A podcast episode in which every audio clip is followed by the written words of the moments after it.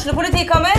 Ine Jansen er purk. Er du purk? The motherfucking bitch. Alt jeg vil, er å finne ut hva som skjedde med mannen min. Jon Carew. Er jeg sikta for noe? Iben Akeli. Det er du. Ole So, Lars Berrum og Big Daddy Karsten. Hvem sin side er du på, egentlig? Anette Hoff, Tone Danielsen, Kommer du fra Afrika? Jørnis Josef, Nesten. Kløfta. Trond Espen Seim, Det er synd å si det, men det var feil mann som døde. Purk. Premiere tirsdag på TV2 Play.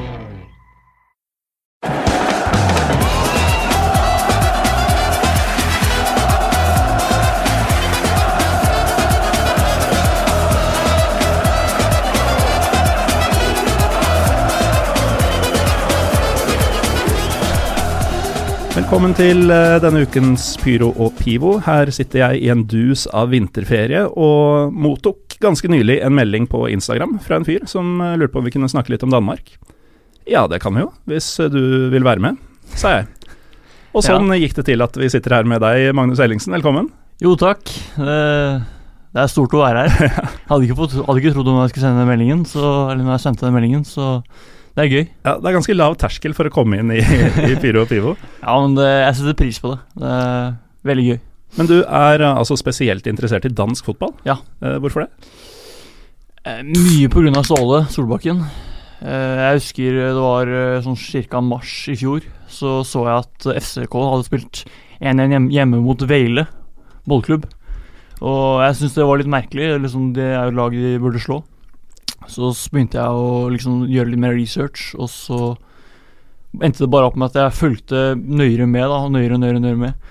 Og da neste kamp da var det 2-0 hjemme mot Venstresyl, og så så var det egentlig bare i gang. Og da Jeg vet ikke, altså Det, det er liksom så, så merkelig, da, for nordmann å liksom være så interessert i dansk fotball. Mm. Uh, men det er noe med den eksotiske delen. Jeg har liksom aldri vært sånn eh, mainstream, kan man si, da.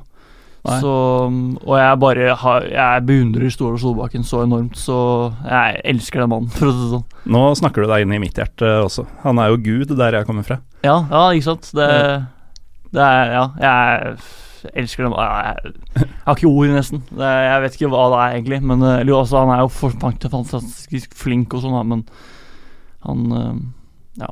Han er fin. mm, Han Men- er Vi har hatt en episode om dansk fotball tidligere, og da var du med Olav Riise. Velkommen tilbake. Tusen takk. Veldig hyggelig å være tilbake.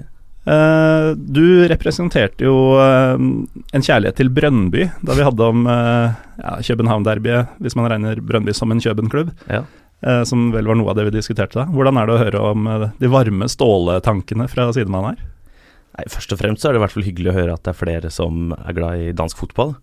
Eh, også for det med Ståle Får vi legge det litt til side først. Han er ikke så stor verken i Fredrikstad, hvor jeg er fra, eller i Brønnby, for den saks skyld. Han er ikke sjefen i Brønnby. Sånn, Nei, det er ikke ikke- statue av han utafor Ikke akkurat. Red Bull stadion, eller hva det heter. Nei. Nei, De er ikke så glad i nordmenn, kanskje, men i i hvert fall ikke Ståle. Dan Eggen er de glad i. Han er de veldig glad i. Ja. mm. Åge Hareide også, for så vidt ganske glad i. Mm. Um, kanskje ikke så glad i han nå etter at han ikke spiller så veldig spennende fotball med landslaget, men eh, har gjort det bra, i hvert fall. Mm. Fjellapefotball på danske landslaget. Absolutt.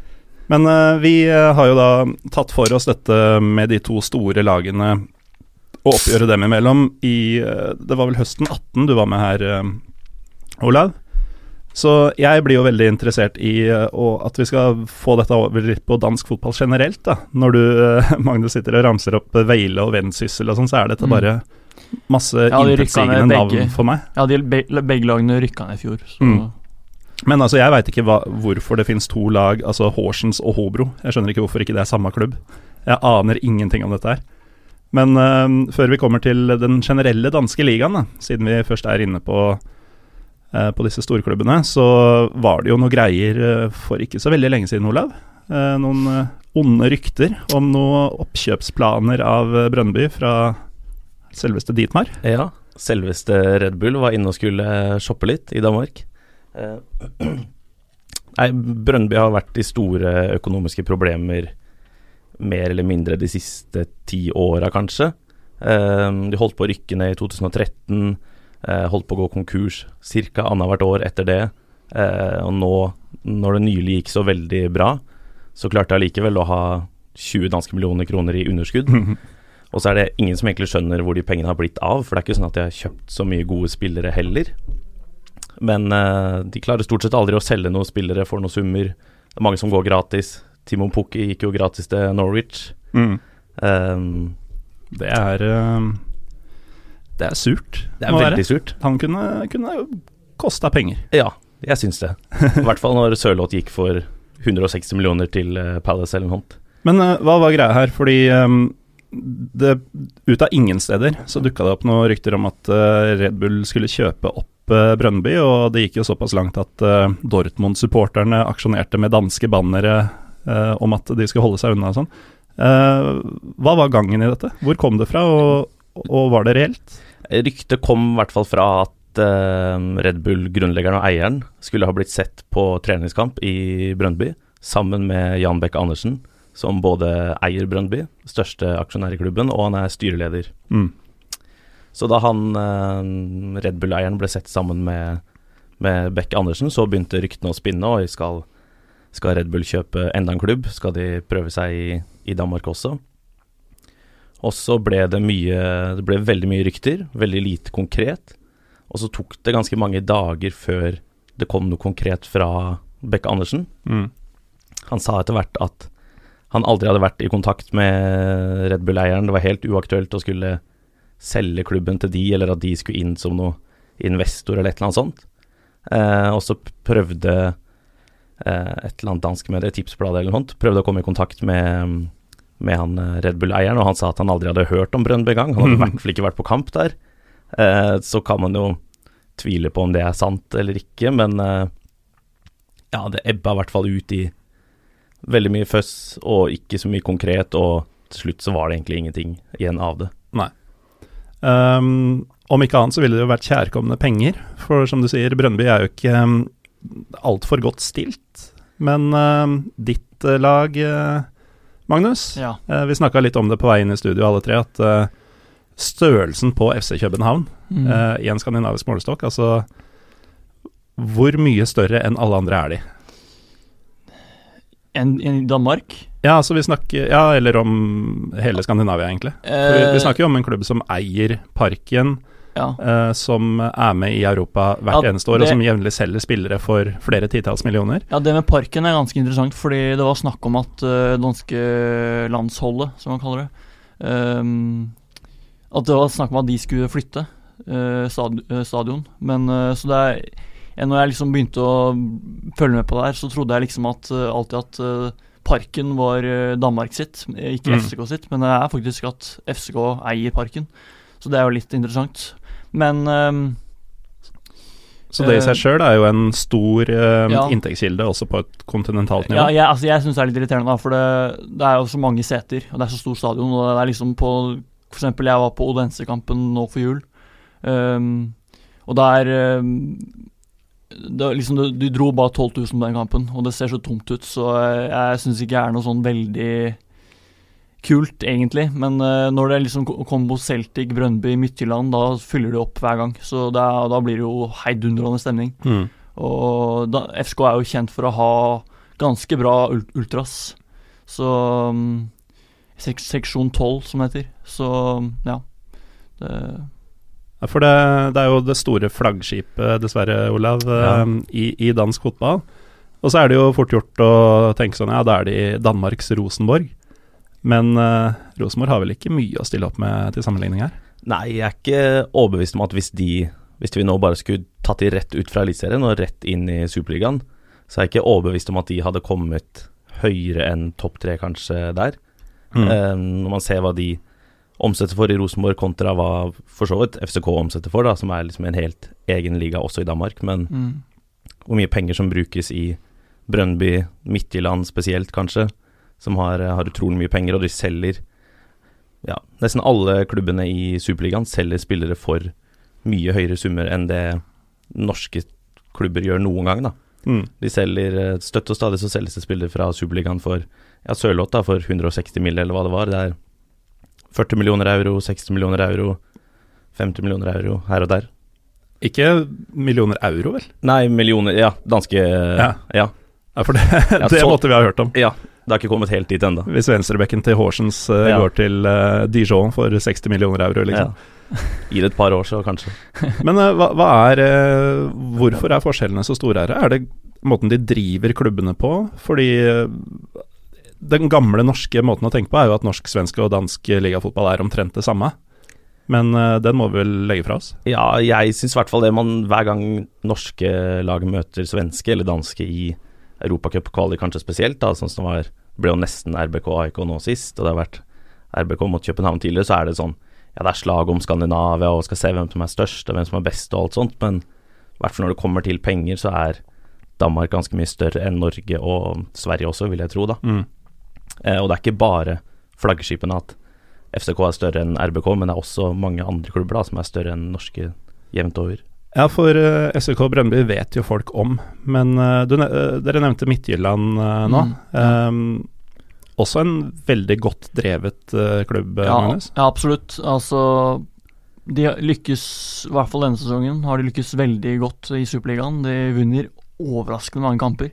Det er liksom De taper nesten aldri, men problemet deres er at eh, er at de ikke klarer å gjenskape det så mye i Europa. Og de har ikke så mye europeisk suksess. Det er der liksom FSK er så mye større der. Så altså det, De fleste har, har jo hørt om FC Copenhagen, ikke sant. De, Mm. Ja, forresten.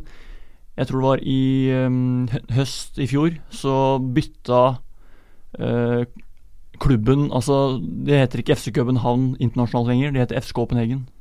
Ja, de har bytta Ja. navn når de reiser ut av landet? Se på he istedenfor uh, KOB, eller hva det var. Så Ja, så det er jo De prøver Det sier noe om hvor mye de prøver som å um, nå ut Ja. til lengre lenger enn Danmark, da.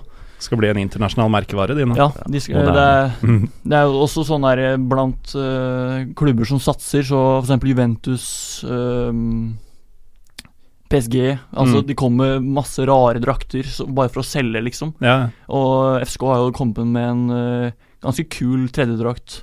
Uh, men liksom sånn det, det, er, det er ikke noe annet formål enn å bare for å selge, tror jeg. Mm. Så det er, Den er jo fin, liksom, men uh, tjener jo godt på det, tror jeg. da Men uh, ja. CFC København er rett og slett en Hva skal vi si Hvis Skandinavia er et mini-Europa, Mm. så er FCK tilsvarende Juventus PSG i måten de tenker å det drive på. Det er, det, er, det er liksom forbausende hvor stabile de er, egentlig. Det eneste er sånn 17-18-sesongen hvor det gikk ja, Alt gikk galt. Det endte på fjerdeplass. Det var liksom dårligste sesongen til Ståle Det var dårligste sesongen til klubben noensinne. Det ble jo stifta i 1992. Mm. Så det var jo voldsom nedtur, men eh, så klarte de å komme seg opp igjen med lure kjøp. Fischer, Victor Fischer, um, som Han brenner voldsomt for den klubben. Det er merkelig. Han hadde ikke trodd det så mye, men han elsker den klubben. Ser på måten han blir intervjua på og sånn. Men ehm, Robert Skov han satte jo rekorden i fjor med 29 ligamål. Slo av Ebbesand, han er vel Brøndby-legende. Ja, stemmer. Han var vel 28, tror jeg, eller noe. Eh, men eh, Ja, så solgte han da for 80 millioner ca. til, eh, til eh, Hoffenheim. Mm. Og så da vant de ligaen, ligaen igjen i fjor. Og i år så går det ikke like bra igjen, for det var merkelig mye skader. Jonas Wind ute i ja, Sånn ung dansk spiller som skårte mye mål på starten av sesongen. Sånne langtidsskader på to-tre mann, viktige mann. Så da måtte de hente inn nye, da. Og da, nå har de egentlig hatt øh, litt for mye utgifter, for de har så mye spillere som tre venstrebacker. Mm. Eh, og de, det er liksom Brian Oviedo, for eksempel. Eh, We are Sunderland Nei, Sunderland til I die-legenden. Ja, han har jo så vidt fått spille, da. Han har mye vært skada, han òg, for så vidt. Men uh, det har vært veldig mye utgifter denne, denne sesongen. Eh, så jeg For det er pga. skader, for det meste. Så jeg regner med at det blir litt mer vanlig roligere neste sesong. Men eh, ja.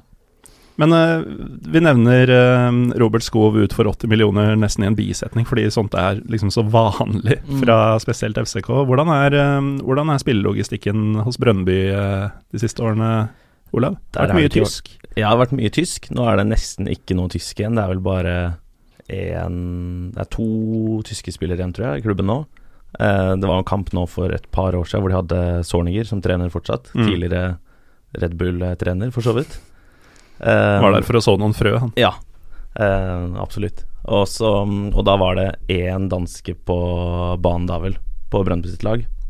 Så var det, det var ni tyskere, én ganeser ghaneser eller noe, tror jeg det var. Um, og så nå de siste åra så er det jo sånn som um, Kamil Wilczek. Han ble jo solgt i, nå i vinter til Tyrkia, til uh, Gustepe, vel. Mm. Ja, det der var vel litt surt, tenker jeg. Ja, men han, hadde, han var 32 år, hadde kontrakt til sommeren eller noe, og så gikk han for ja, det var vel åtte danske millioner kroner eller noe, og det er ja, et av Ja, de største sånn- største salgene de siste åra, nesten. Ja, men jeg tenker sånn han hadde bare 17 ligamål før øh, Ja. Altså i øh, efterårssesongen, som heter. Ja. Um, Ja, for det er eh, forårssesong og efterårssesong. det, er, det er veldig stor Altså, vinterpausen er veldig lang. Det er varer fra midten av desember til midten av februar. Så det På- blir som en sånn preseason, da. På eh, tyrkisk så har man omtrent samme ord for høst og vår. Eh, vår heter bahar, Ja. mens høst er sonbahar, som da mm, blir um, sluttbahar. Helt meningsløst. En sluttvårsesong. Ja. Og um, ja, ordet for sommer er det samme som ordet for å skrive, men um, nå er det ikke det vi skal snakke om i, i dag. Um, det, det glir litt bedre da, eh, hos FCK, i hvert fall økonomisk, enn hos Brøndby. og Du nevnte det har ikke vært en spesielt god sesong sportslig, Magnus. Hvordan har det vært for eh, Brøndby? Det har jo vært enda dårligere enn for FCK, men jeg tror kanskje FCK-fansen er mer misfornøyde nesten enn Brøndby-fansen. I hvert fall da når man ser på hvor mye penger som er brukt hos de to klubbene. Ja. Eh, først og fremst nå så er jo Brøndby fornøyd med å komme topp seks.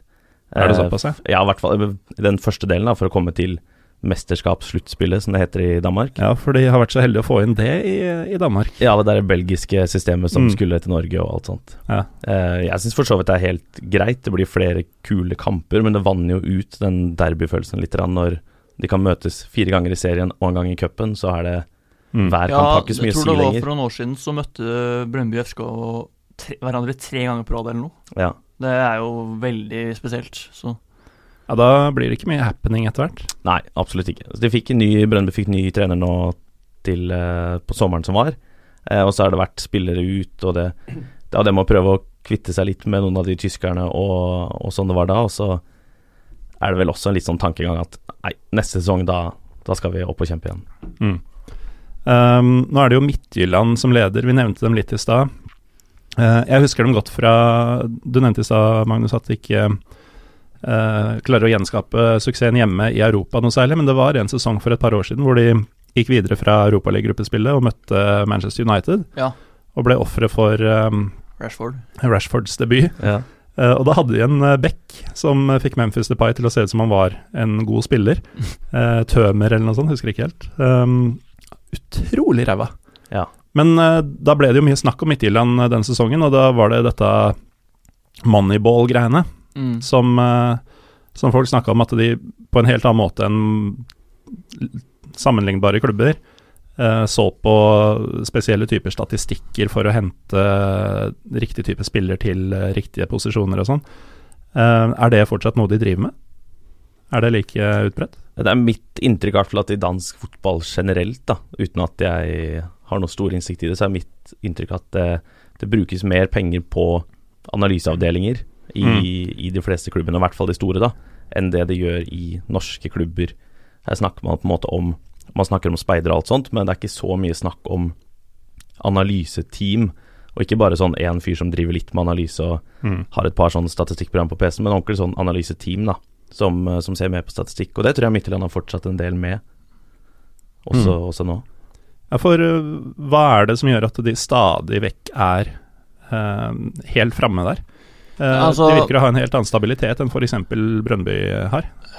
Det, ja, altså De henter jo solid, da. Altså, nå har jo De fikk jo ny trener nå til høsten. For, for øvrig tidligere Solbakken-assistent, Brian Priske.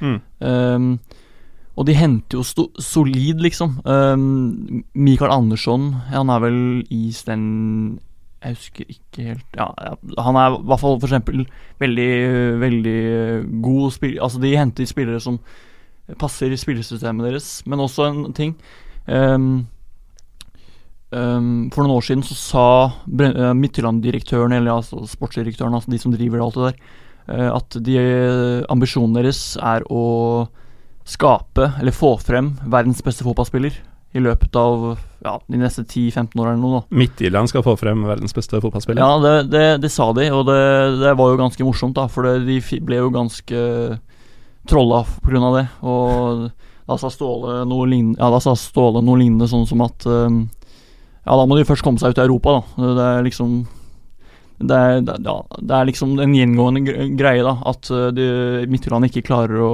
komme seg ut i Europa. Uh, I hvert fall det mest stabile mellomrom, på en måte. da mm. uh, Det var jo den ene sesongen som du nevnte, mot, hvor de møtte United og ble knust.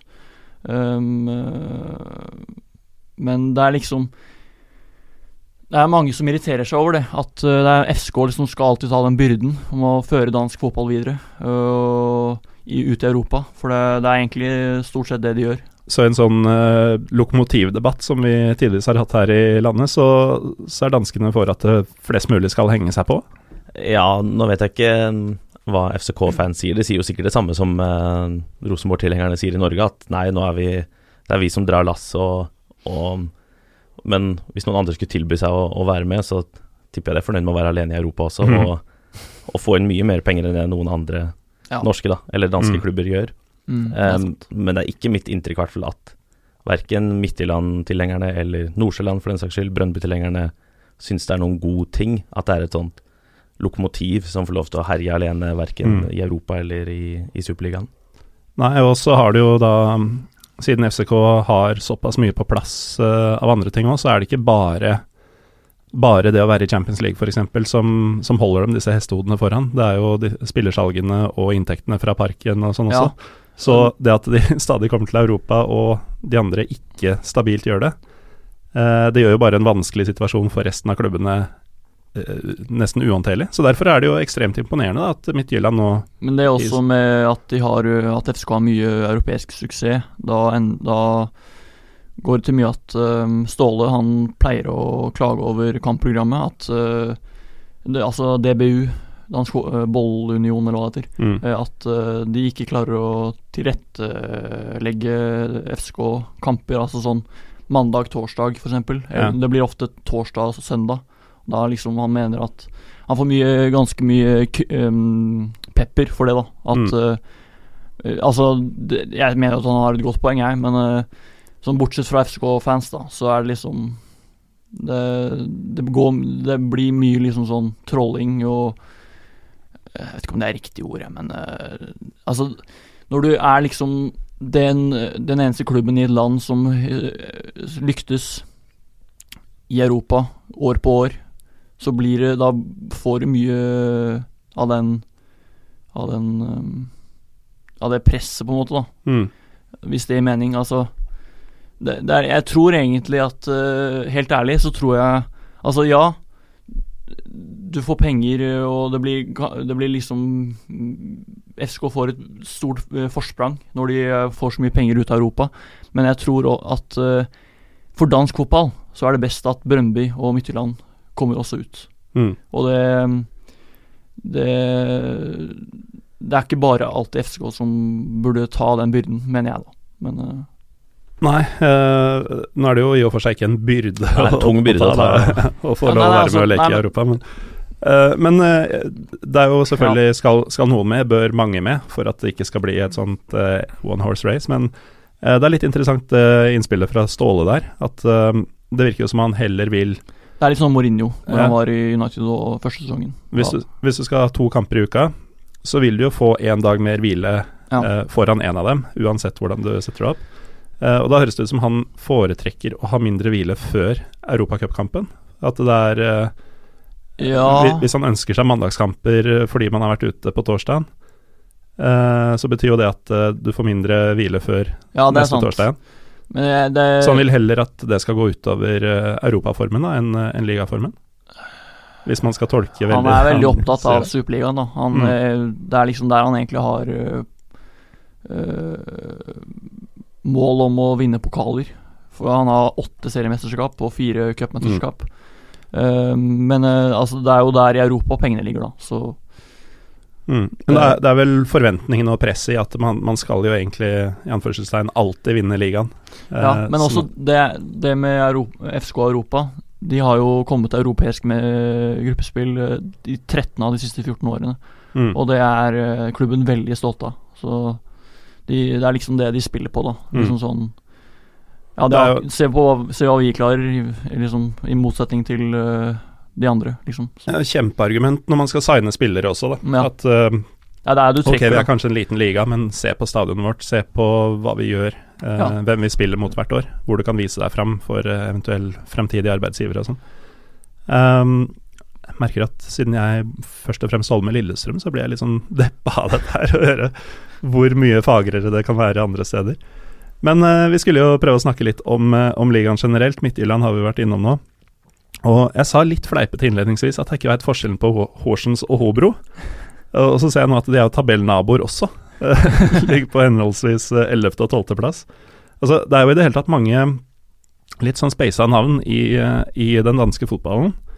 Um, det er jo fort gjort å, å kalle dem sønderjyske, f.eks., Ja. Mm. men eh, det er jo ikke det de heter. Det heter jo Sønderjysk E. Ja, Den store E-en ja, på slutten. Det er lite sport det som, som Ja. for. Ja. Det er ikke en trykkfeil, det. Det er ikke en trykkfeil. Det- kan hende det var det første gangen, og så måtte de finne på at det var At det sto for et eller annet. For sønderjyske hadde jo vært et lags... Eller et ord som klinger litt sånn logisk. Ja, det høres jo typisk dansk, dansk Mm. ut, og skal på Skal ha sommerhus i Synderjyske. Men det er altså sønderjysk elitesport, var det det dere sa? Stemmer. Det er, um, det er Mm. sto, store ord. Le- Ja, det, altså De har jo vært oppe mye og krangla med FCK om mesterskapet et par år. Men nå ja, er de liksom. Ja, nå er de litt nede igjen, da. Med Glenn Riddersholm som redder. Men øhm, ja, de Nå kjemper de jo faktisk mot nedrykk, tror jeg. Så de er vel på 11.-10.-plass eller noe. Ja De slo Hobro i helga, tror jeg. 3-1. Så ja. Men um, Olav, du er jo sånn tribunekulturmann og har vært på noen derbys og, og greier. Ja. Um, hvilke andre klubber enn FCK og Brøndby er det som, som har litt trøkk? Altså Mitt inntrykk er at, uh, ja, at sønderjysk er Altså Det finnes mange klubber med lite eller kort historie i sin, or, i, i sin nåværende form. At det er mye sammenslåinger og nye navn og eh, det som supportere liker å kalle plast. da. Ja, sånn er det jo både med FCK, da, som var liksom fra 92, og som var, var en sånn sammenslåingsklubb. Der det med Nordsjøland og det er flere av de andre klubbene er, Ja, det er ganske, er mange av dem. Ja, Ja, det er mye sånn sammenslåingsklubber, og Brøndby òg, for den saks skyld. I, Mm. bare at de slo seg sammen i 1964, så er jo nesten en gammel klubb etter hvert. Ja. Men, eh, Ja, men I Danmark så er det lang, ja, er lang det- fartstid. Ja, de, er det over 50 år gamle, liksom. Ja. Uh, men ehm, Nei, det er jo Brøndby FCK som er de aller største, og så er det et stykke ned, og så er det sånn som eh, Midtjylland kan ha litt folk på kampene. Det er jo en del som bor i, i området. Mm. Eh, I hvert fall kampene mot Brøndby og, og FCK, da, så kan det være en del folk. Um, så er det en Aalborg Ja, kanskje Aalborg mer enn Århus. Århus kan det være litt folk på kampene der også. Mm. Eh, I hvert fall hvis det er noe lokal derby, da, eller det er en sånn mobilisering. Og bortsett fra det, så er det dårligere. Altså det kan være bitte lite grann folk i Odense, eh, men sånn som de klubbene rundt København, da, med Nordsjøland, Lyngby, der er det veldig, veldig lite. Mm. Er det fordi de to andre er såpass svære at Ja. det, det er ikke snakk om å holde med noen andre? Ja, det er mitt inntrykk at i hvert fall det, liksom det store området så holder man enten med FCK eller Brønnby, men Mm. så er det noen som holder med, med Lyngby, Nordsjøland og sånt òg, men ikke så mange. For um, Odense, Aalborg, AG AGF Århus, det var liksom Det var store klubber da jeg vokste opp og begynte å se på andre tabeller da, i, eh, i VG, liksom, på hver, eh, hver uke. Og da, da var det lag som så ut til å være helt oppe i toppen. Og Silkeborg også var ganske Ja. bra på den tiden.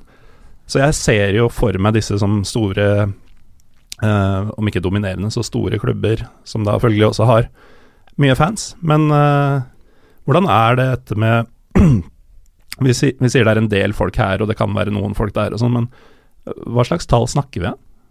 Eh, nei, det husker jeg ikke hvor mye det er i, i Aalborg og Aarhus, men det er jo to av, de, to av de større byene i Danmark. Mm. Så det er jo om det er 80 000 eller et eller annet sånt, da, og så sikkert flere i, i storområdet, så sånn cirka som Fredrikstad, da, Mm. for å sammenligne. Eh, Magnus, du, um, din interesse for dette her er jo ganske, ganske fersk. eh, Mm. et års tid siden Ja. du begynte å virkelig fatte interesse for dette her. Ja. Eh, du har rekket å ta en tur ned, nevnte du så vidt i stad. Hvordan var det Nei, Hvordan var det å ta en tur altså, til det- Kjøben for å se fotball? Nei, det passa veldig bra, med, for jeg går på folkeskole. Jeg er såpass ung, eh, så Ja, Yngste studiogjesten vi har hatt, Yes. for øvrig. Ja, det er herlig. Ehm, nei, altså, jeg tok eh, Det passa bra, for det var mandagskamp. Uh, siste kamp før uh, vinter, vinterpausen.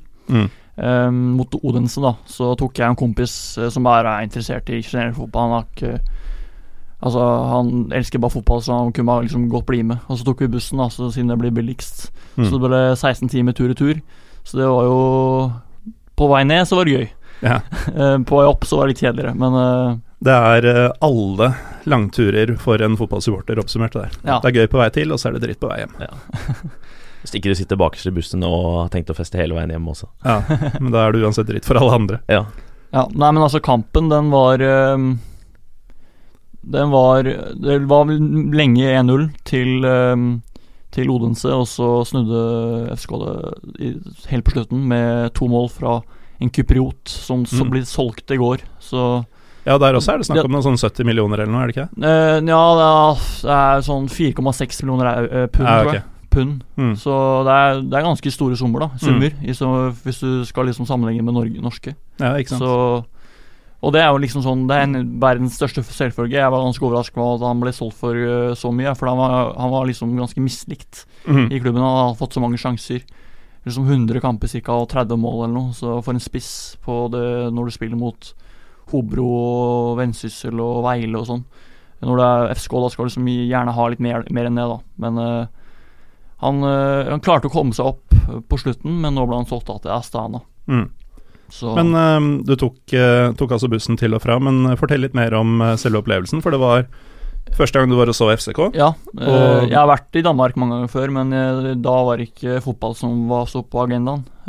Dessverre. Da var det mer familieturer og sånn. Legoland og sånn. ja, ikke sant. Ehm, så nei, altså Det var veldig gøy, da. Eh, det var jeg, Det var liksom Det var så Det var liksom nærme, men samtidig så var det sånn eksotisk. Det Mm. var liksom Du måtte liksom spørre to ganger for å høre hva but- butikk, butikktjenesten sa, eller hva liksom Ja, men Eh, Sverige og Danmark er litt sånn her, Det er utlandet, men liksom, samtidig ikke. ja, det føles jo veldig ja, I hvert fall Danmark, da tror jeg mange Mm. har et forhold til eh, at det er Det føles jo som det er litt mer som er lov, på en måte. Ja. I hvert fall når det er på ferie i tillegg. Det Mm. med øl på kamp, det er merkelig. Altså, jeg så, det var åpenbart at det ikke var mange barn som ikke var eldre enn 13 år der. Det var ikke noe problem at de skulle kjøpe øl, liksom. Så det er liksom Ja, så Det var god stemning på puben òg etterpå, så ja. Ja, for det ble jo seier, og Ja, da tok dere turen til puben. Ja, det hadde vi vel egentlig gjort uansett, for vi liksom var der, så da kunne vi gjerne gjøre det. Men eh, i hvert fall når det ble seier, ja. Det var deilig, det, med snuoperasjonen helt på slutten. Men eh, var, det, var det noe stemning å snakke om på en sånn kamp, eller? Nei, det var ikke så mye folk. Jeg hadde forventa mer. Det var 12 000, tror jeg. Mm. cirka. Uh, så det var litt skuffende, egentlig. Men uh, sånn ultrasene, ultraene eh, da, da var det kok. Da, det, er mer, altså det er helt sykt hvor mye liv de klarer å lage, fordi det, det er veldig gøy, da. Det er liksom, de er kjent for det. Og seksjon 12 er liksom, har fått seg, fått seg et veldig bra rykte på seg. Mm. Så mm, ja. Det var gøy. Uh, jeg filma ikke så mye, da. Det var irriterte meg, for det var så kaldt. Ja, men man skal, skal leve kampen Ja, eh, i jeg. nuet. Det gjorde jeg. I, så var det en sånn husker ikke hva den het. Den var sånn spesielt dansk pølse. Den var veldig god. Sånn brød liksom på bunnen, liksom. Bare. Så Jeg husker ikke hva den heter, men eh, den var veldig god. Så ja. Det var Fikk eh, liksom hele fotballopplevelsen, da. Så mm. Det er de små forskjellene. Um, du har vært uh, ned en del ganger, uh, Olav, var det ikke det? Jo, det har blitt en del eh, turer etter hvert. Stort sett eh, Jeg har fått meg en del derbyer mellom Brønnby og FCK, både på Brønnby stadion og i Parken. Eh, litt andre kamper mot eh, ja, type Hobro eller eh, eh, Esbjerg eller et eller annet sånt. Ja. og så har jeg fått en annen kamp som ikke er Brønnby, da. Da var det faktisk eh, Lyngby mot eh, Nordsjøland Ja vel? i Lyngby, og det var Ja, det var sikkert ikke mer enn 1500 på kamp eller noe sånt. Sånn sett så var det ganske bra stemning med tanke på at det bare var 1500, men det var Ja, Da var det veldig greit, for så vidt. Det var liten, koselig stadion. Eh, det var i august, så det var fint vær. Eh, hovedsponsoren til eh, Lyngby delte ut eh, gratis ølbonger Ja, ja. til alle på hele tribunen, så det, det var veldig greit sånn sett. Ja, igjen de, de små tinga, altså. Ja. Jeg har også vært på Parken en gang. Da, da var det Royal League. Og um, Ja, ja. det hadde vært veldig gøy på vei ned, da. Så jeg skulle jo fortsette å ha det gøy. Tenkte jeg skulle gå og kjøpe en øl på stadion, for det uh, var jeg ikke så vant til å kunne gjøre mm, på den tida. Nei. Og så viste det seg at det var full bar på bortetribunen. Eh, du kunne kjøpe shots og drinker og, og alt mulig. Det var helt uh, surrealistisk. Akkurat det tror jeg faktisk ikke jeg har sett uh, noe annet sted heller, i ettertid. Nei, jeg har ikke sett Jo, det har kanskje vært noe sånn um, sure sånn eh, 20 eh, shots som man drikker når man er 16, stort sett. Mm. Og så bortsett fra det, så er det, er det pils eller pølser eller alt sånt Mm. i tillegg, da. Ja, for um, ja, altså Tyskland, Nederland uh, osv., da er det øl eller, um, eller ingenting. Ja, Men, kanskje eh, en glyvein, hvis du er heldig. Ja, ikke sant, hvis du kommer på riktig tid av året. Um, hvor mye mersmak ga det, Magnus? Nei, hvor lenge er det til neste gang? Jeg har lyst til å dra ned sånn en gang i året, kanskje. Mm. Men ja, altså Jeg har lyst til å få med meg en, litt, en kamp som er litt mer trøkk, da, sånn mot eh, Brøndby eller eh, en Europa- Europaligakamp eller noe sånt. Mm. Så neste gang blir vel noe sånt. Jeg har jo ikke vært på um, FCK Brøndby eller omvendt, men jeg har vært på et par uh, svenske derbys. Og hvis vi snakker om lokomotiver, da, som vi gjorde i stad på banen eh, Det er jo enorm motivasjon for oss eh, norske fotballfans å se hva de får til igjen med ganske tilsvarende eh, kulturer og språk, ikke minst, Ja. i land som vi, eh, for å bruke et eh, politikeruttrykk, liker å sammenligne oss med. Ja. Um, mye penger i danske klubber, altså mye mer enn folk er klar over her. At det er et større sprang eh, mellom eh, budsjettene, i hvert fall, i Danmark og Norge enn mange er klar over. Men for dem som ikke ser så mye dansk og svensk fotball, da, så er spranget minst like stort på tribunene, for eh, i hvert fall hos de store. Ja. Eh, det er jo mer penger der også.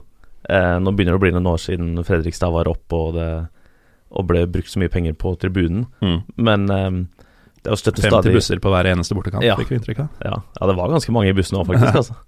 Eh, men eh, Nei, de har ofte sånn TIFO-innsamlinger da i, i Brøndby, hvor de står med Står med sånne bøsser eller har eh, Mobile Pay eller noe sånt, og da får de jo stort sett alltid inn mellom ja, 70 og 150 000 danske kroner. Kaller de det bøsser i Danmark? Eh, Nei, de, jeg håper de kaller det noe annet. Uh, for det, ja.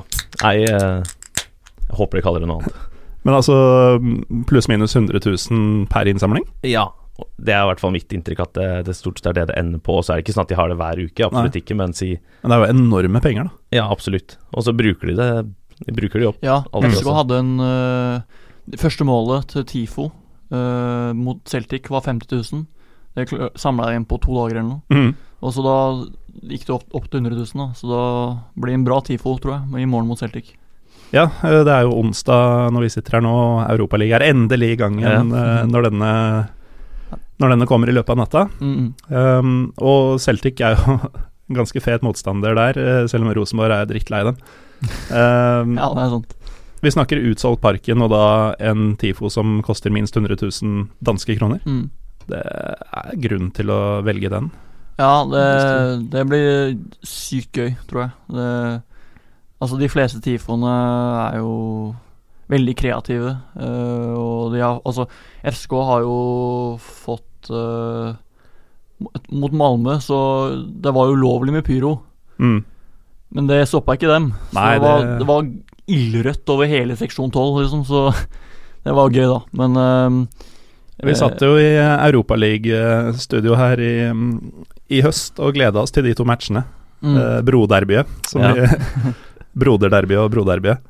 Eh, for det var jo to gjenger som er helt der oppe i skandinavisk målestokk på tribunene, og som helt sikkert skulle overgå hverandre. Ja. Eh, vil jo si at FCK leverte. mm, ja, det, absolutt. det Kanskje ikke så mye på banen, i hvert fall. Det ble 1-0 til Malmö og 1-1 på i Malmö. Mm. Um, men eh, altså det Men stadionet brant, og Ja. det er det viktigste. Ja, altså Ultraene til um, Til FSK har jo fått mye bøter og sånn fordi de bruker, bruker pyro. Så Mm. det- De fikk jo en halv, bo- bot på halv million, tror jeg. Eh, altså klubben, så det var liksom Ja, det er, er ikke alltid like lurt, men eh, Mhm. det ser jo ofte bra ut, da. Men uh, veit du det, Olav? For um, i Norge så er det jo gjerne sånn at uh, enten enkeltpersoner eh, Altså klubbene får bøtene, Eh, sender dem da gjerne videre til folk de vet har vært involvert, eller eventuelt bare til supporterne som har en eller annen ordning. Um, men der er det jo I Norge er det jo fortsatt relativt beskjedne summer. Altså det kan bli 25 000 for et pyroshow hvis du ikke er Ja. serieovergriper, holdt jeg på å si. ja. Uh, men i, uh, i Danmark, hvor, um, hvor det er såpass med penger i klubbene, er dette For jeg vet at i Marseille tidligere så hadde de en sånn egen utgiftspost i budsjettet hvert år, Ja. som bare Dette er til pyrobøter, Ja. eh, fordi det kommer uansett. Eh, er det, hvem er det som betaler bøtene i Danmark? Eh, jeg tror det bare er klubbene, i hvert fall av det jeg har hørt om. Jeg har aldri hørt om noen sånn innsamlingsaksjon sånn som til TIFO, og som Mm. man har ofte til pyrobøter i Norge, da. Um, Og de videresender ikke til supporterklubbene heller? Nei, det har jeg ikke, ikke hørt noe om. Og det er jo vanskelig Det er jo stort sett eh, ja, de alternative supporterne, da, ultrasene, som, eh, som fyrer, og ikke liksom de offisielle supporterklubbene. Så det er jo ikke noe eh, organisasjon å sende det videre til, Nei. eh, i så måte. Det er Men um, fint lite smutthull. ja. Men for et sted å leve, da. Hvis Ja, du bare kan kjøre på og vite at klubben tar det. Ja, og så er det jo noen som blir utestengt, enten i forbindelse med slåssing eller litt pyring eller et eller annet sånt. Og Brøndby var jo en av de første klubbene nå den sesongen her, var det vel, som fikk på plass et sånn ansiktsgjenkjenningssystem i Mm. de der overvåkningskameraene, da, som de brukte ganske mye penger på. Fordi de hadde et problem med at de utestengte supporterne kom inn på stadion allikevel. Ja. Så tenkte jeg at her skulle de svi av noen kroner for å, for å holde de ute, da. Jeg hadde, eller har for så vidt, eh, en kompis i eh, Fenerbahçe-miljøet Mm. som eh, vi alltid dro på kamp med da, i, i flere år. Og så plutselig, etter et par år med det, så fortalte han at å, nå er jeg endelig ikke utestengt lenger. Det hadde vært null håndhevelse av det, men uh, nå var det offisielt gått ut. Han Ja. hadde vært utestengt siden før jeg møtte han, Ja. uh, og i flere år. Men uh, ansiktsgjenkjennelsesprogrammer, altså. Det høres litt Matrix-aktig ut. Ja, og så høres det litt demoniserende ut. Ja, absolutt. Ja, det fikk ganske mye pepper for det av, av for så vidt ikke bare de alternative supportermiljøene, men også sånn de mer tradisjonelle og etablerte, da. At det er litt sånn storebror ser deg, og alle skal filmes og alt sånt. Men um, det fikk det i hvert fall godkjent av myndighetene, og de fikk det på plass til slutt. Og så vet jeg ikke hvor mange som har blitt tatt av det. Kan det hende det har en litt sånn preventiv effekt. Mm. At folk holder seg unna når de vet det er større sjanse for å bli tatt. Er det, har jeg hørt noe snakk om, eller har jeg drømt det? At det har vært noen sånn fingeravtrykksvariant også? Ja, de prøvde seg på en, det var i 2011 eller noe. Det var i forbindelse med derby da mot uh, FCK. Mm. Så var det sånn at idet du skulle kjøpe billett, så måtte du registrere fingeravtrykk. Og når du da skulle inn på stadion og viste billetten, så måtte du i tillegg til å skanne billetten, skanne fingeren, på en måte, da. Mm. Uh, fordi det var et problem. For man har, I mange år så har man vært nødt til å kjøpe billett i liksom sitt navn. Uh, men så går det an å gi billetten videre og Mm. gi vekk ID og sånt, men nå måtte du da eh, skanne fingrene òg, da, for at ikke de utestengte skulle komme inn. Og da, da var det boikott, og det var Det pleier å være 3000 kanskje eller noe i parken, Brønnby-fans, men da var det 130 eller noe, tror jeg det var. Hva, som den unge mannen du er, eh, Magnus, hva tenker du om sånne Altså litt sånn her Hvis man ikke har noe å skjule, så er det greit uh, ting. Det er jo det folk sier eh, for å rettferdiggjøre sånne, Ja. sånne grep som blir tatt her, da. Men hva tenker du sånn i det hele tatt om å være en helt vanlig fyr som liker å gå på fotballkamp, og um, ja, bli mistenkeliggjort på den måten? Nei, altså, hvis klubben har en mistanke, så, og er, da burde du ha en grunn til det. Og jeg regner med at de, at de har liksom grunnlag nok til å mistenke deg. Jeg vil i hvert fall anta det, men uh, Altså, det er ikke Det er jo liksom Det er jo sånn invasion of privacy, da. Vet ikke. Altså sånn Ikke privacy, men sånn Ja, det er veldig sånn storebror. Ja, det, eh, er, det er liksom sånn Du får ikke lov til å gjøre det. Nei, Mm. ikke gjør det. Veldig sånn vit at vi ser deg, og vi veit hvem du er. Ja, Ja, det er vet du sånn- bor og Ja, og, det, Det er litt sånn nedtrykkende. mm, og da er jo det et system som gjelder alle. Altså, du har jo i hvert fall foreløpig ikke tenkt å gjøre noe ugagn på, på parken, Nei, jeg har ikke det. ass. før du havner i noe dårlig miljø neste gang. Men, eh, men- men du må gjennom det samme, da, som de som kanskje har, eh, har noen svin på skogen og sånn. Ikke sant. Det, Og det kan jo på sikt, nå høres ikke det ut til å være et stort problem for FCK eller Brønnby å få folk på kamp, men eh, på sikt så er jo det er jo et steg å ta for Mm. alle som vil gå på fotballkamp. At Da veit du at du må gjennom de greiene her. Ja, og så er det mitt inntrykk også at det er kanskje litt mer akseptert i Danmark, da, det med, med pyro og alt sånt blant ja, Nå har det kanskje tatt en liten vending da i Norge den høsten her, men fram til det så var det liksom bare de alternative miljøene Mm. nesten som var for det. Mens i Danmark så har man jo mange av de mer tradisjonelle supporterne har liksom I hvert fall mitt inntrykk da, har vært at de har tenkt at ja, det jo, det koster jo veldig mye med de bøtene, men samtidig, hvis man skal utestenge alle de som driver med det, så blir det jo veldig dødt på tribunen også, så det er jo Mm. plusser og minuser med det, da. Vi har bare studio i en time i dag, så vi må, må velge våre samtaleemner med omhu. Um, og da tenker jeg, siden dere begge har uh, deres utenlandske favorittlag i Har du noe norsk lag forresten, Magnus? sånn geografisk sett så er det nok Stabæk, men Mm. eh, jeg, har aldri liksom fulgt dem sånn tett. Ikke noen sterke følelser? Altså, jeg kjenner jo noen av de som spiller der, men det er, sånn, det er ikke noe mer det. Og du er jo Fredrikstad, har vi nevnt, uh, Olav. Absolutt. Um, men det at dere har da favorittlag i utlandet som er såpass tilgjengelige, da, Mm. at uh, det, det er kort reisevei, man kan kjøre dit, ta buss, man kan ta fly og båt, og det trenger ikke å være et stort Du trenger ikke å ta fri engang hvis det er helgekamp, du kan bare dra rett ned og rett opp. Ja. Eh, hvor deilig er det? For det, det å være fan av uh, f.eks. Fenerbahçe, det er ikke sånn superpraktisk. Nei, det er ikke så lett å ta en svipptur, kanskje. Nei. En overnatting og så hjem morgenen etter. Ta Eh, dagsturer og Tyrkia, det ja. Ja, det, er, det- er en fordel med at uh, politiet har bestemt at kampene mellom Brøndby og, og FCK skal spilles så tidlig. De Ja, spilles jo gjerne sånn mellom riktig. Tolv og to. Ja, kvart på tolv. Ja. Um, det var et litt merkelig tidspunkt. Så det var sånn kvart på tolv, og så starta neste kamp i serien tolv. Så det var litt sånn merkelig, men ja. Skjønte aldri det. Men da, da kan man i hvert fall ta en dagstur, i Ja. verste fall. Hvis man tenker at å, nå har jeg lyst til å se på fotball, men jeg har ikke råd til å overnatte, eller jeg har ikke tid til å overnatte, eller noe, så går det Mm. an å fly på morgenen eller uh, kjøre litt på natta, og så hjem igjen på ettermiddagen. Og at man i tillegg til en viss grad skjønner språket, er jo også en fordel, Magnus. Ja, jeg kan mye mer dansk enn det nå enn det jeg kunne for et år siden. Mm. Jeg ser jo på mye sånn Ja, det er ikke så lett å få tilgang til eh, sånn uh, f.eks. eurosport og eh, sånn i Danmark, for da må du Det er sånn Not available in your country, eller Ja. hva det kommer opp. Og da Det er litt irriterende. Men eh, jeg ser jo har sett mye sånn dokumentarer og sånn eh, om dansk fotball. da. Så jeg, og så da er det jo oftest på dansk. Så da lærer jeg jo med Og så har jeg tekster, da, så lærer jeg jo språket. Og jeg, nå er jeg ganske god, faktisk. Så jeg kan ikke snakke, men det er liksom sånn Ståle. Han får jo ekstremt mye pepper for det, at han ikke snakker dansk. Ja. Men han har jo sagt at det ikke faller han naturlig, så da gidder han ikke å lære det. Men han snakker jo, sier jo sånn der måske Jeg altså, slenger inn de Ja, det er liksom Det er, det er Sånn norsk. skav, Skavlan-dans. Ja. ja. Skavlan-dansk, skalemåske. Um, hvordan er ditt dansknivå etter uh, x antall turer, Olav? For jeg er fortsatt sånn at jeg prøver å snakke engelsk til dem først, for sikkerhets skyld. Ja. Eh, nei, jeg snakker eh, norsk, og så tenker jeg at det er Altså, alle i Skandinavia, på en måte, altså Norge, Sverige, Danmark, de skal klare å forstå hverandre, og så er det nesten litt av prinsipp. Ja, Men Eh. du snakker norsk til dem, da må du jo forvente å få dansk tilbake. Ja, Hvordan, det hvordan går helt går det? fint. Det gjør det? Ja, ja jeg forventer i hvert fall ikke å få norsk tilbake, men uh, Nei, men Forventning er én ting, men uh, forståelse er en annen. ja, ja, nei, det går helt, uh, helt fint. I hvert fall altså, i, i København-området så er det ikke noe problem, men sånn Bornholm eller veldig jysk, det kan være verre, men går stort sett greit. Ja. Så det er bare jeg som har noia for det danske språket av oss tre, altså. Da, da ser det ut som dere har valgt riktig, begge to. Ja. Um, men hvordan ble du Brønnby, Olav? Eh, Det starta litt tilfeldig, egentlig.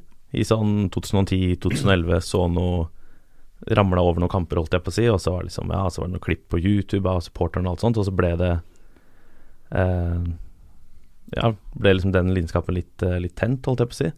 Og så fikk jeg bursdagsgave av eh, foreldrene mine at jeg kunne dra på tur, ja, enten dit, da, eller til Liverpool, sånn som vi snakka om sist gang. Og Ja. da, da valgte jeg Brøndby, og så Brøndby FCK i 2011, og da etter det så har det blitt en del kamper, da. Og for din del, Magnus, så var det rett og slett eh, Ståle Solbakken.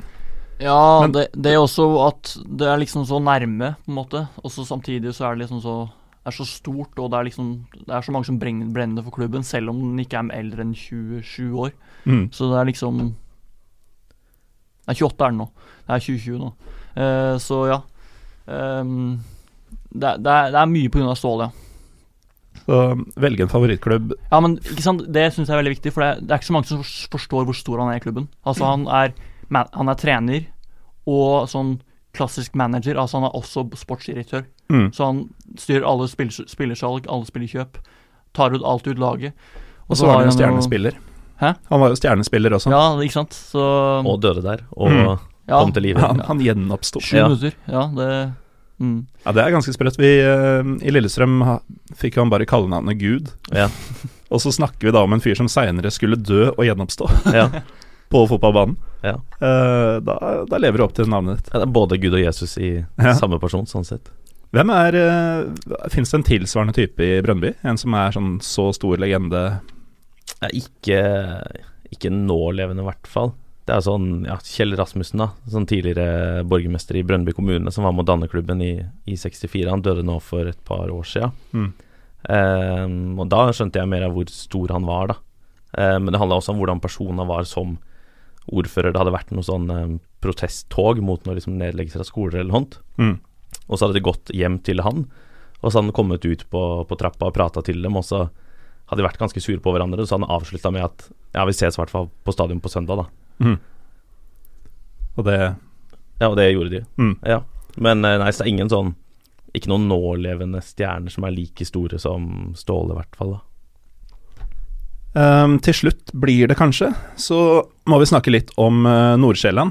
Fordi der var det et eller annet ved driften som du mener skiller seg litt ut, Ja, uh, Magnus? de har en veldig konkret og spesiell uh, måte å drive klubben sin på. Eh, I fjor så hadde de jo en veldig god sesong. Jeg husker ikke hvilken plass de kom på, men uh, gjennomsnittsalderen på laget deres da var 21 år. Ja. Uh, og de har uh, connections til en sånn Right to Dream-greie nede i Ghana. Og så målet deres er at alle spillerne på laget skal være Skal være Altså kommet opp gjennom akademiet, og så halvparten skal være fra Ghana. Okay. Så nå har de jo stort sett beste spillerne deres eh, kom, er jo fra Ghana. Eh, Så det funker? det funker, ja. Um, de spiller faktisk i kveld, for det helg hengekampen mot Horsens ble Mm. utsatt pga. sump og det derre. Så- Det skjer ikke så ofte i Norge at det ble utsatt pga. sump. Nei, det er det hele tæle som er eh, Nei, ja, altså mm, Så selger de jo Får de pengene, så selger de spilleren. Så FSKs kjøpte jo to forsvarsspillere fra ham i fjor, fjor sommer. Mm. Eh, og det var jo rekorder, for, for, eh, akkurat, faktisk, i um, Superligaen. Mm. For eh, flere titalls millioner. Så ja. Så Right to Dream blir da et akademi i Ghana, eller? Som Ja. Det heter jo Stadionet deres heter jo også Right to Dream Park. Mm. Um, og de, de er liksom sånn Ja, de, de skal bare utvikle spillere og så selge dem videre for å Mm. få fortjenesten. Og de tjener godt på det, så Men snakk om, uh, snakk om en type, hvis man skal kalle det det, da, veldedighet som alle tjener på. Altså Ja. de, de hjelper folk ut og opp og fram i verden fra eh, kanskje litt uh, lugubre forhold, og um, får både PR og økonomisk vinning ut av det selv. Ja, det har vært skrevet litt om det. Det ble jo starta, det derre Right to Dream-akademiet ble jo starta av en uh, engelskmann, husker jeg ikke med en gang hva han heter, men um, også kjøpte De kjøpte vel opp nesten hele greia, Manchester City, for en del år siden. Mm. Eh, hvor det da kom inn ganske mye regler, det, med at de skulle ha krav på å kunne velge spillerne når de ble 18 år. At ok, andre klubber kunne prøve å kjøpe dem, men de skulle liksom ha førsterett da, på absolutt ja, alle spillere. Mm. mm. Eh, og så husker jeg ikke helt gangen i det, men så kjøpte The Right to Dream-akademiet, på en måte, det kjøpte Nordsjøland. Mm. Så han lederen av Right to Dream er styreleder eller eier Nordsjøland også, på en måte. Mm. Og så ble, og da forsvant City litt ut. Da hadde de ikke lenger krav på spillere når de var 18 år, men de fikk vel krav på dem når de var 21 eller noe sånt. Ja, okay. Og så, um, og så var det da det da, med at um, Nordsjøland skulle utvikle alle spillerne, eh, og alle spillerne i troppen skulle være gjennom der eller i danske akademiet, da. Mm. Så det, der har vi en klubb som faktisk skiller seg ut. Men hva med alle disse, altså Randers og Esbjerg og Horsens og Hobro og sånn? Er det, er det noen av dem som har noe verdt å snakke om, eller forblir de bare sånne anonyme tekstklumper Nei, for uh, Altså, Hobro tapte 5-2 mot Godset på treningskamp nå i vinter. Så det er liksom Det er, det er ikke sånn veldig høyt nivå, men uh, sånn Århus de har jo en veldig god sesong i år, med David Nilsen som trener. Og Mm. de spiller jo veldig god fotball. Ta, vant 3-1 borte mot Midtjylland eh, rett før vinterpausen, og det er ikke så mange som gjør i Danmark. eh, å vinne mot Midtjylland på MCHH og Arena. Så de, de Altså, de har jo en sånn sånn riktig måte å tenke fotball på, da. Uh, og det, det er liksom som oftest de som lykkes. Så ja. Det er ikke så mye penger å rå med uh, hos de andre, bortsett fra uh, FSK. Og så De er jo Krono selvfølgelig øverst, og så eh, kommer Midtjylland. Jeg tror, de, jeg tror jeg leste en artikkel eh, om at uh, spillebudsjetter for neste sesong så er Midtjylland har overgått Brøndby. Ja, de har, har en del mer om uh, Midtjylland har 130 danske millioner, og Brøndby har 80 eller et eller annet Mm. sånt. Så Midtjylland er jo ganske mange Eller ganske langt foran Brøndby, da. Sånn var det. Mm. Uh, Olav, er det noen uh, mer obskure klubber i, i den danske ligaen som du vil uh, si et par ord om, eller er det Eh, nei, jeg har ikke full oversikt over alle de mindre, mindre klubbene, men i, ja, sånn som Esbjerg, da, som du nevnte, så spiller jo fortsatt uh, Rudolf Austin.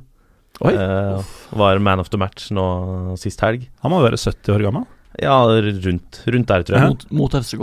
Ja. Enertap. Det, er- Stemmer det. det var helt forferdelig å se på. Han Ja. spilte, i, spilte i Brøndby tidligere, men uh, i Esberg nå, da, og uh, ja, spiller egentlig ganske bra fortsatt, nå som stopper, da. Mm. Da er vi nødt til å runde av, for nå kommer det noen ulver på døra hvert øyeblikk. Ja. Men eh, takk, eh, Magnus Ellingsen, for at du var sporty og stilte opp. Uh, Jo, hyggelig å være her. sånn går det med folk som sender oss melding på sosiale medier. Ja, det er bare hyggelig.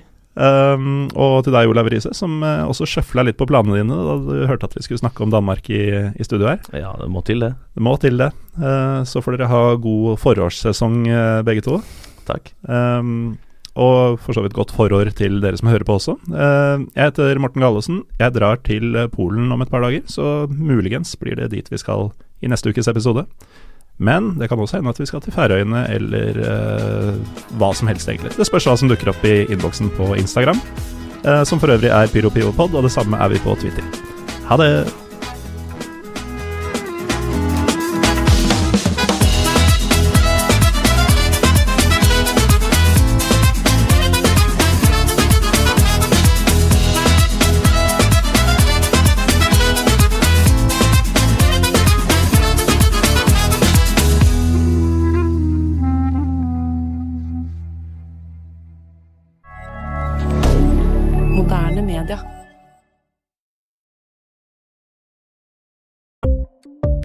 Ukens annonsør er HelloFresh. HelloFresh er verdens ledende matkasseleverandør og kan være redningen i en travel hverdag. Mange av oss har nok vandret i butikken både sultne og uten en plan for middagen, som ender med at vi går for de samme kjedelige rettene gang på gang. Middag burde være dagens høydepunkt. Som HelloFresh kan du nå velge mellom 25 ulike retter hver eneste uke, eller få HelloFresh til å sette sammen menyen for deg. Dette gir deg muligheten til å prøve nye og spennende retter alene eller sammen med familien. Du velger antall porsjoner og får alt levert på døren på et tidspunkt som passer for deg. Oppskriftene er enkle, og maten er lett å lage både for store og for små. Ved å få alt levert hjem får du også mer tid til å dele matgleden med familie og venner. Kanskje det frister med asiatiske tacos eller greskinspirert kylling? Da kan jeg anbefale deg om å gå inn på hellofresh.no. Her kan du bruke koden FOTBALL og få opptil 1779 kroner i rabatt på de første fem matkastene hvis du ikke har prøvd HelloFresh tidligere. Du kan også bruke rabatten hvis du har vært kunde og stoppet abonnementet ditt for tolv måneder siden eller lengre. Gå inn på hellofresh.no og bruk koden FOTBALL. Har du et enkeltpersonforetak eller en liten bedrift? Da er du sikkert lei av å høre meg snakke om hvor enkelt det er med kvitteringer og bilag i fiken, så vi eh, gir oss her, vi. Fordi vi liker enkelt. Fiken superenkelt regnskap.